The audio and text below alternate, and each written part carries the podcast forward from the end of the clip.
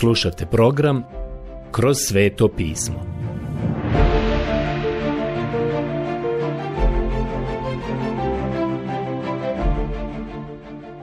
Knjiga Poslanica Galačanima. Odlomak Poslanica Galačanima, poglavlje 3 od 4. do 7. stiha.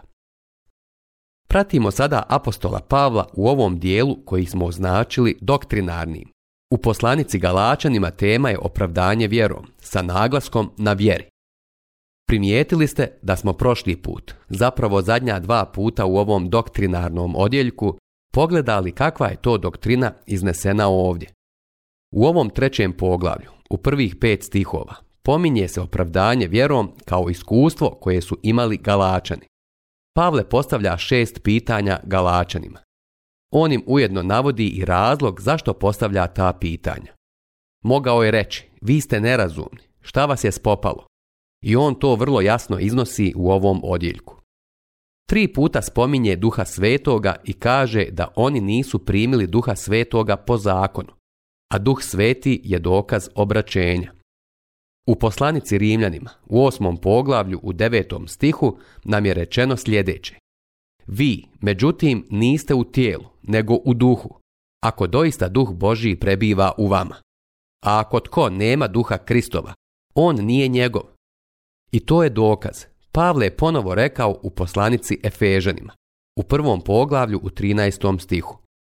U njemu ste i vi, čuvši riječ istine, evanđelje svojega spasenja i povjerovavši, opečaćeni svetim i obećanim duhom. Ono što je ovdje važno uočiti jeste da je evanđelje istinito bez obzira na iskustvo Galačana ili bilo koga drugog.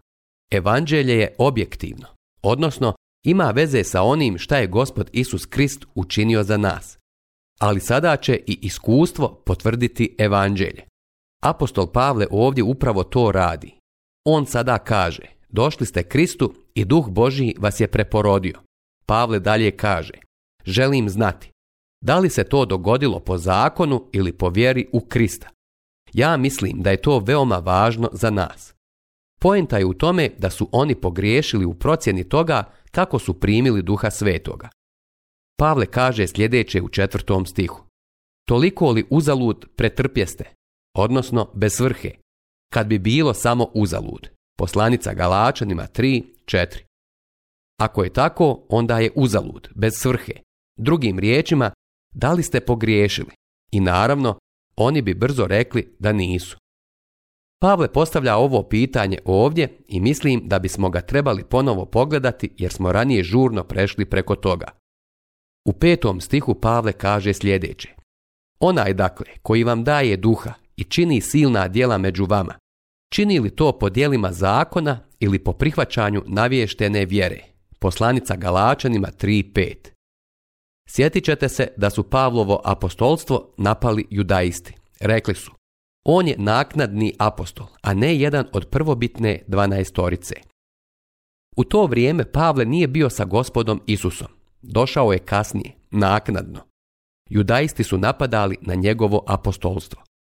Sada se Pavle ovdje vraća na to, jer on je bio taj koji je došao u njihovo područje, u njihovu zemlju, propovjedao im je riječ Božju i kako on kaže, činio je čuda. Činio je čuda među njima, a on to nije činio dijelima zakona. Pavle je bio veoma oprezan kada je govorio o tome. Sva ta čuda su se izdešavala kroz slušanje poruke vjere. Propovjedao je gospoda Isusa Krista kao onoga koje je umro za njih i koje je uskrsnuo. Oni trebaju svoju vjeru staviti u njega i kada su to učinili, dogodila se čudesna stvar bili su regenerisani, nanovo rođeni. A Pavle je tako imao dokaz svoga apostolstva. Vidite da su u to vrijeme postojali znakovi koji su bili dani apostolima. Pretpostavljam da su apostoli imali praktično sve darove koji se spominju u Svetom pismu. Imali su sigurno sve navedene darove. Pavle je mogao činiti čuda. Pavle je mogao liječiti bolesne. Pavle je mogao uskrsnuti mrtve. Sve je to činio i Šimun Petar. To je bio znak apostolstva u to vrijeme. Apostoli su nama danas dali riječ Božju. Vi i ja danas imamo vjeru za koju nam je rečeno da je izgrađena na Isusu Kristu kao glavnom kamenu temeljcu, ali izgrađena je i na temelju apostola i proroka. Ne na apostolima, nego na temeljima koje su oni postavili. To je počivalo na njihovom svjedočenju. Ono što je davalo vjerodostojnost njihovoj riječi bilo je to da su posjedovali sve navedene darove. Nakon što su nam dali riječ Božju, navedeni darovi su nestali. Mislim da su ti darovi zapravo nestali s apostolima. Postojali su i drugi razlozi zašto su ti darovi bili evidentni, a koje smo spomenuli kada smo bili u prvoj poslanici Korinčanima. Ali ono što je ovdje važno za nas jeste to da Pavle nije došao tamo kao farizej, propovjedajući zakon, već je došao k njima propovjedajući Isusa Krista. I to je dovelo do toga da su oni to doživjeli. Oni su to znali. I Pavle ih je podsjetio na to i zadržao se na tome. Sada dolazimo do drugog segmenta opravdanja vjerom. Ovdje imamo za primjer i ilustraciju Abrahama počinje ovdje u trećem poglavlju u šestom stihu i ide sve do četvrtog poglavlja do osamnaestog stiha. Imamo još jednu ilustraciju, a to je alegorija o Hagari i Sari. Tu ilustraciju imamo kroz cijelo četvrto poglavlje. Dakle, to je zapravo samo srce i glavnina poslanice Galačanima. A sada smo došli do vrhunca, do glavnog dijela kada nam je Abrahamov primjer dan kao ilustracija, Molim vas, hoćete li obratiti pažnju na ono što je zapisano u šestom stihu? Apostol Pavle kaže sljedeće. Tako Abraham povjerova Bogu i uračuna mu se u pravdu. Poslanica Galačanima 3.6. To je citat iz knjige Postanka iz 15. poglavlja 6. stih. Prošlo je dosta vremena otkako smo proučavali knjigu Postanka. Abraham nam je dan kao ilustracija. I s obzirom na to da smo u knjizi postanka bili podavno, mislim da je sada dobar trenutak da se vratimo i ponovo pogledamo pomenutu situaciju. Mislim da bismo trebali biti vrlo jasni.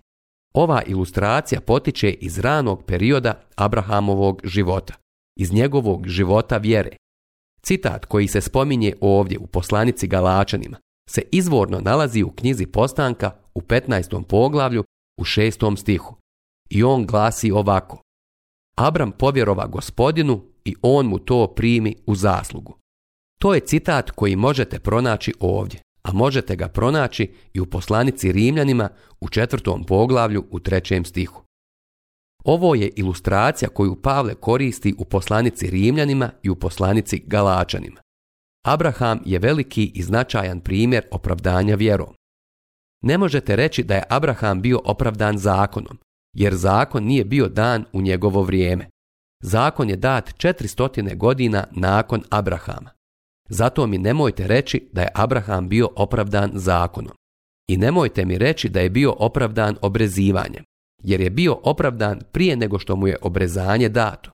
Obrezanje je postalo znak i dokaz opravdanja, baš kao što je danas to krštenje vjernika. Nije dato da vas spasi. Ono je dokaz da ste spašeni. To je bila svrha i obrezivanja. Ono nije doprinijelo spasenju. Abraham je povjerovao gospodu i on mu je to uračunao u pravednost. Ovo se dogodilo nakon što se Abraham vratio iz Egipta. On i Lot su bili razdvojeni. Lot je otišao u grad Sodomu. Prvi rat je zabilježen u 14. poglavlju knjige Postanka, kada su kraljevi s istoka došli da ratuju protiv kraljeva koji su vladali duž obale Mrtvog mora. Kraljevi s istoka pod vodstvom kralja koji se zvao Kedor Laomer su bili ti koji su dobili tu bitku i odnijeli su sav plijen i odveli ljude u robstvo. Naravno, u toj skupini bio je i Lot i njegova porodica. On je bio Abrahamov nečak i Abraham je odlučio da neće stajati po strani i ništa ne preduzeti. Tako se Abraham, kada mu je javljeno da je njegov nečak zarobljen, odmah spremio za rat. Rečeno nam je da je naoružao 318 muškaraca koji su bili u njegovom domaćinstvu. Krenuli su u brz marš i sustigli su ove neprijatelje koji su odlazili sa Lotom i sa ostalim ljudima iz Sodome i Gomore. Iznenada ih je napao i dobio bitku. Tada su mu kraljevi Sodome i Gomore rekli da plijen pripada njemu. Možete provjeriti, prema tadašnjem Hamurabijevom zakoniku iz tog vremena, Plijen je zaista trebao pripasti Abrahamu. On je bio pobjednik i rekli su mu sljedeće. Sada uzmi plijen tvoje, ali daj nam ljude. Abraham zapravo nije morao dati ljude. Mogao ih je odvesti kao svoje robove, ali on to nije namjeravao učiniti. Jednako Abraham nije namjeravao uzeti ni plijen. Rekao je, ne želim uzeti ni uzicu ni konac, ne želim ništa uzeti od vas. To je bio plemenit gest sa njegove strane. Drugim riječima Abraham kaže Ako se obogati, to će biti tako da će me Bog učiniti bogatim. Gledam u Boga, a ne u vas.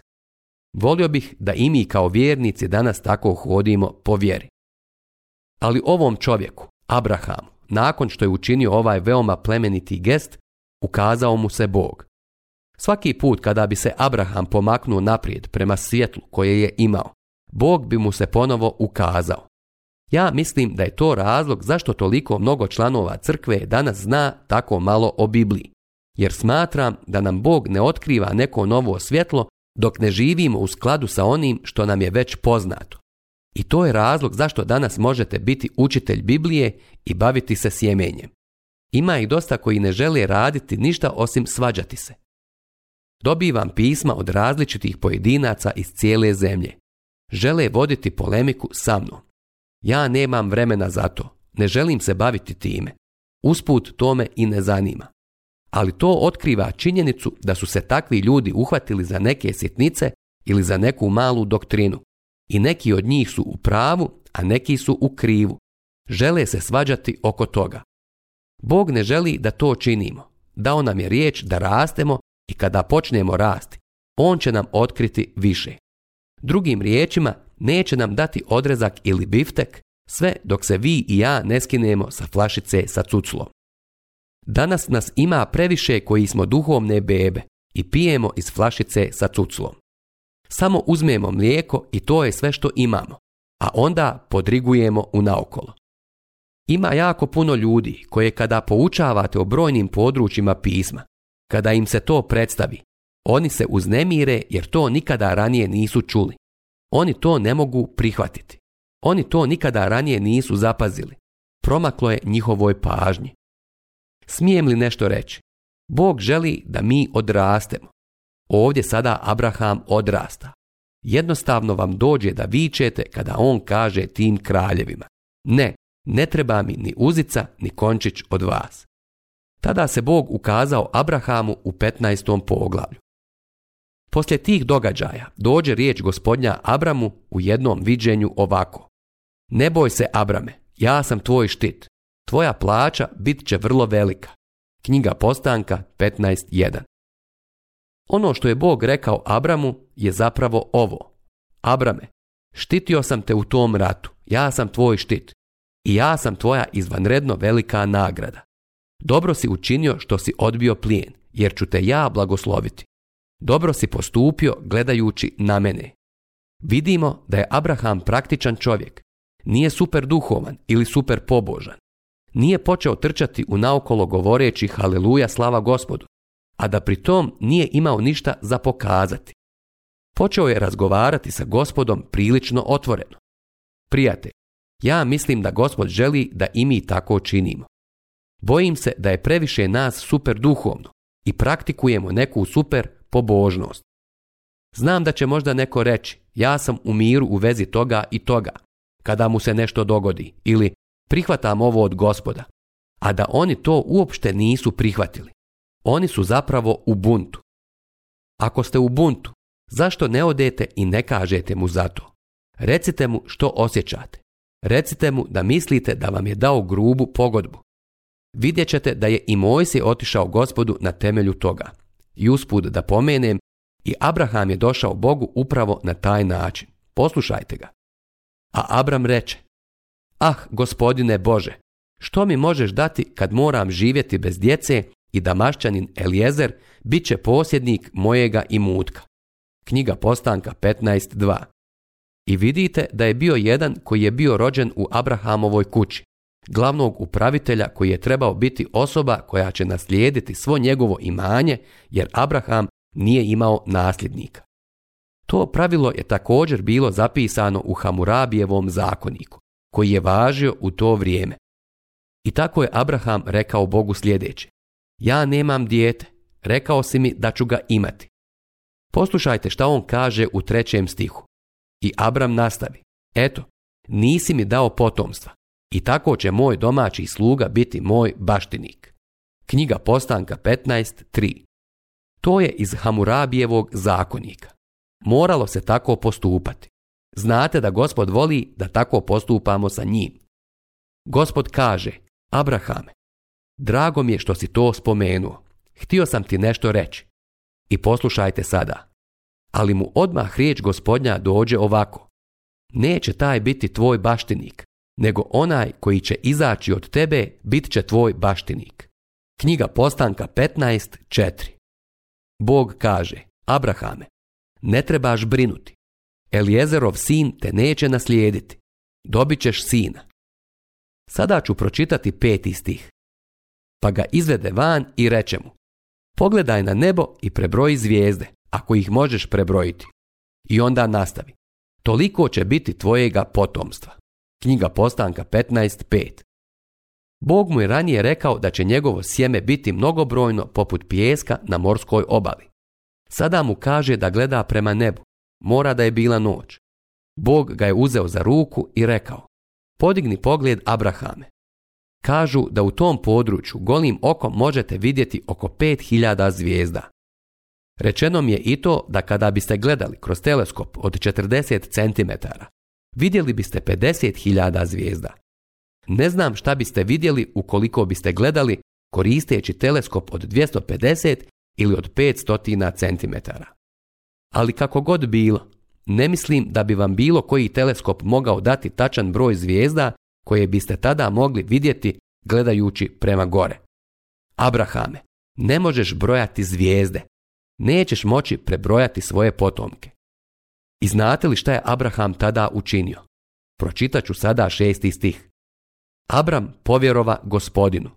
Knjiga Postanka 15.6 Ovdje je to predstavljeno na veoma izražajan način. To stvarno znači ovo. Abraham je rekao amen gospodu. Bog kaže, učinit ću to, a Abraham kaže amen. Bog kaže vama i meni, dao sam svoga sina da umre za vas. Ako vjerujete u Isusa, nećete propasti. Imat ćete život vječni. Hoćete li na to reći amen? Hoćete li vjerovati Bogu? Hoćete li to prihvatiti? To je ono što to znači. To je opravdanje vjerom. Vjerovao je u gospoda. On je povjerovao Bogu i kada je povjerovao Bogu, Bog ga je u tom trenutku proglasio pravednim. Zbog čega? Zbog njegovih dijela? Ne, Njegova djela su bila nesavršena. Nije imao savršenstvo koje bi mogao ponuditi Bogu. Vidjet ćemo malo kasnije kako će Pavle razviti i obraditi tu temu. Abraham nije imao savršenstvo, ali sada ima, jer mu se njegova vjera uračunala u pravednost. To je opravdanje. On sada stoji opravdan pred Bogom. Abraham je onda rekao gospodu, da li bi mi to mogao dati i napismeno? Neko će sada da kaže, čitao sam svoju Bibliju i ne sjećam se da je to opisalo u knjizi postanka.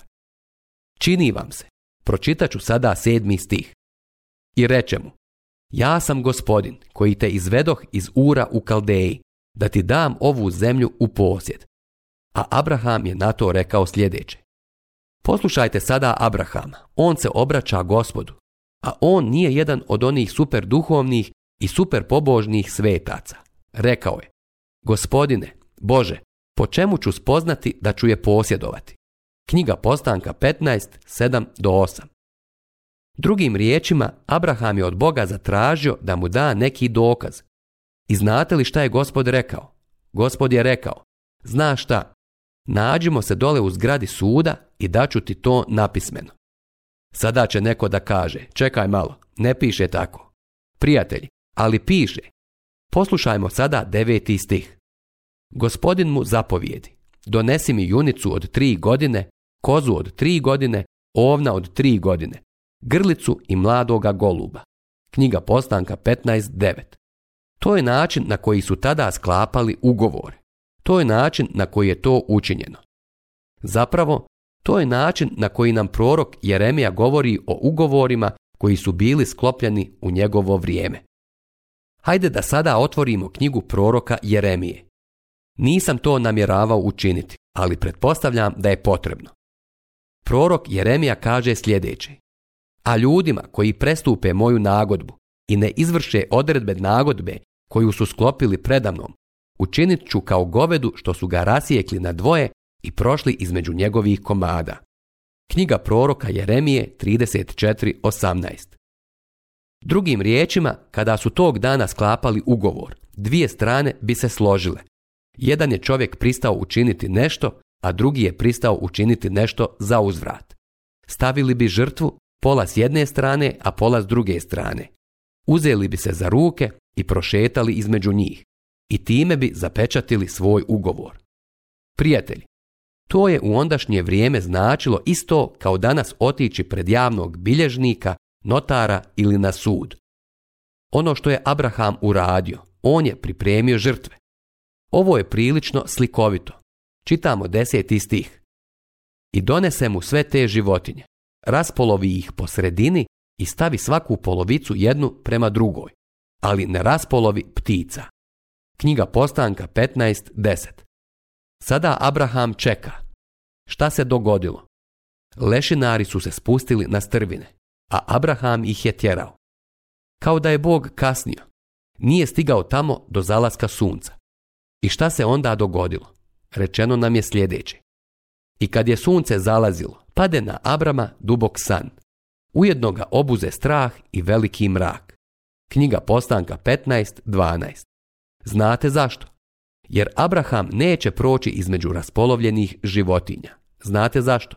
Abraham neće ništa obećati. Bog je onaj koji obećava. Prijatelj, prije 2000 godina Isus Krist je otišao na križ za vaše i moje grijehe. I on ne traži od vas da izgovarate svoje molitve da biste bili spašeni ili da budete dragi dječak iz nedjeljne škole. On traži od vas da vjerujete njegovom sinu koji je umro za vas. On je sklopio ugovor. On je onaj koji je prošao između raspolovljenih životinja i on je taj koji je dao obećanje, zavjet da će nas spasiti. I to je novi zavjet za nas. Ovo je stari zavjet koji je sklopio sa Abrahamom. I znate šta? Abraham je vjerovao Bogu i upravo je rekao amen Bogu koji mu je to uračunao kao dobro. Vidite da je zavisilo od toga da Abraham izgovara svoje molitve svake večeri. Moglo se desiti da on propusti jednu noć. Ako bi propustio jednu noć, obećanja onda ne bi bila dobra i ispunjena. Ali vidite da je Bog onaj koji ovdje ispunjava obećanja. Sada idemo nazad u poslanicu Galačanima. Šta imamo tamo? Abraham je vjerovao gospodu i to mu se uračunalo u pravednost. Kakvu veličanstvenu i prekrasnu sliku imamo. Nastavljamo čitati iz trećeg poglavlja poslanice Galačanima. Shvatite stoga da su Abrahamovi sinovi oni koji su od vjere. Poslanica Galačanima 3.7 Bog je sve ovo učinio za Abrahama prije nego što je zakon uopšte bio dan. Nije ovo učinio za Abrahama zbog Abrahamovih dijela.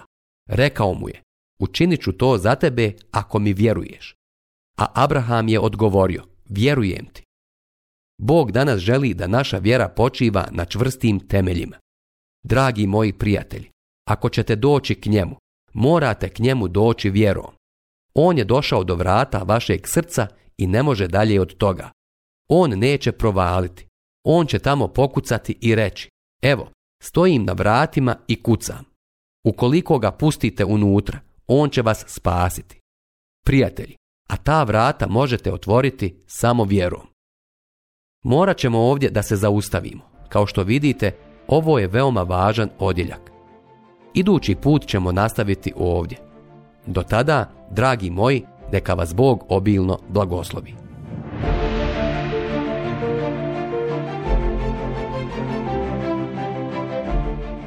Slušali ste emisiju Kroz sveto pismo. Možete nas slušati i na našem YouTube kanalu putem mobilne aplikacije, te na svim glavnim podcast platformama kao što su Google, Apple i Spotify. Ako vam se naši programi dopadaju, preporučite ih i podijelite s drugima. Budite slobodni da ostavite svoj komentar ili nam pišite na našu e-mail adresu kroz sveto at Zapratite našu stranicu kroz sveto pismo BiH na Facebooku i na Instagramu. Emisije iz ove serije možete pronaći na našoj stranici ttb.com duplode R taka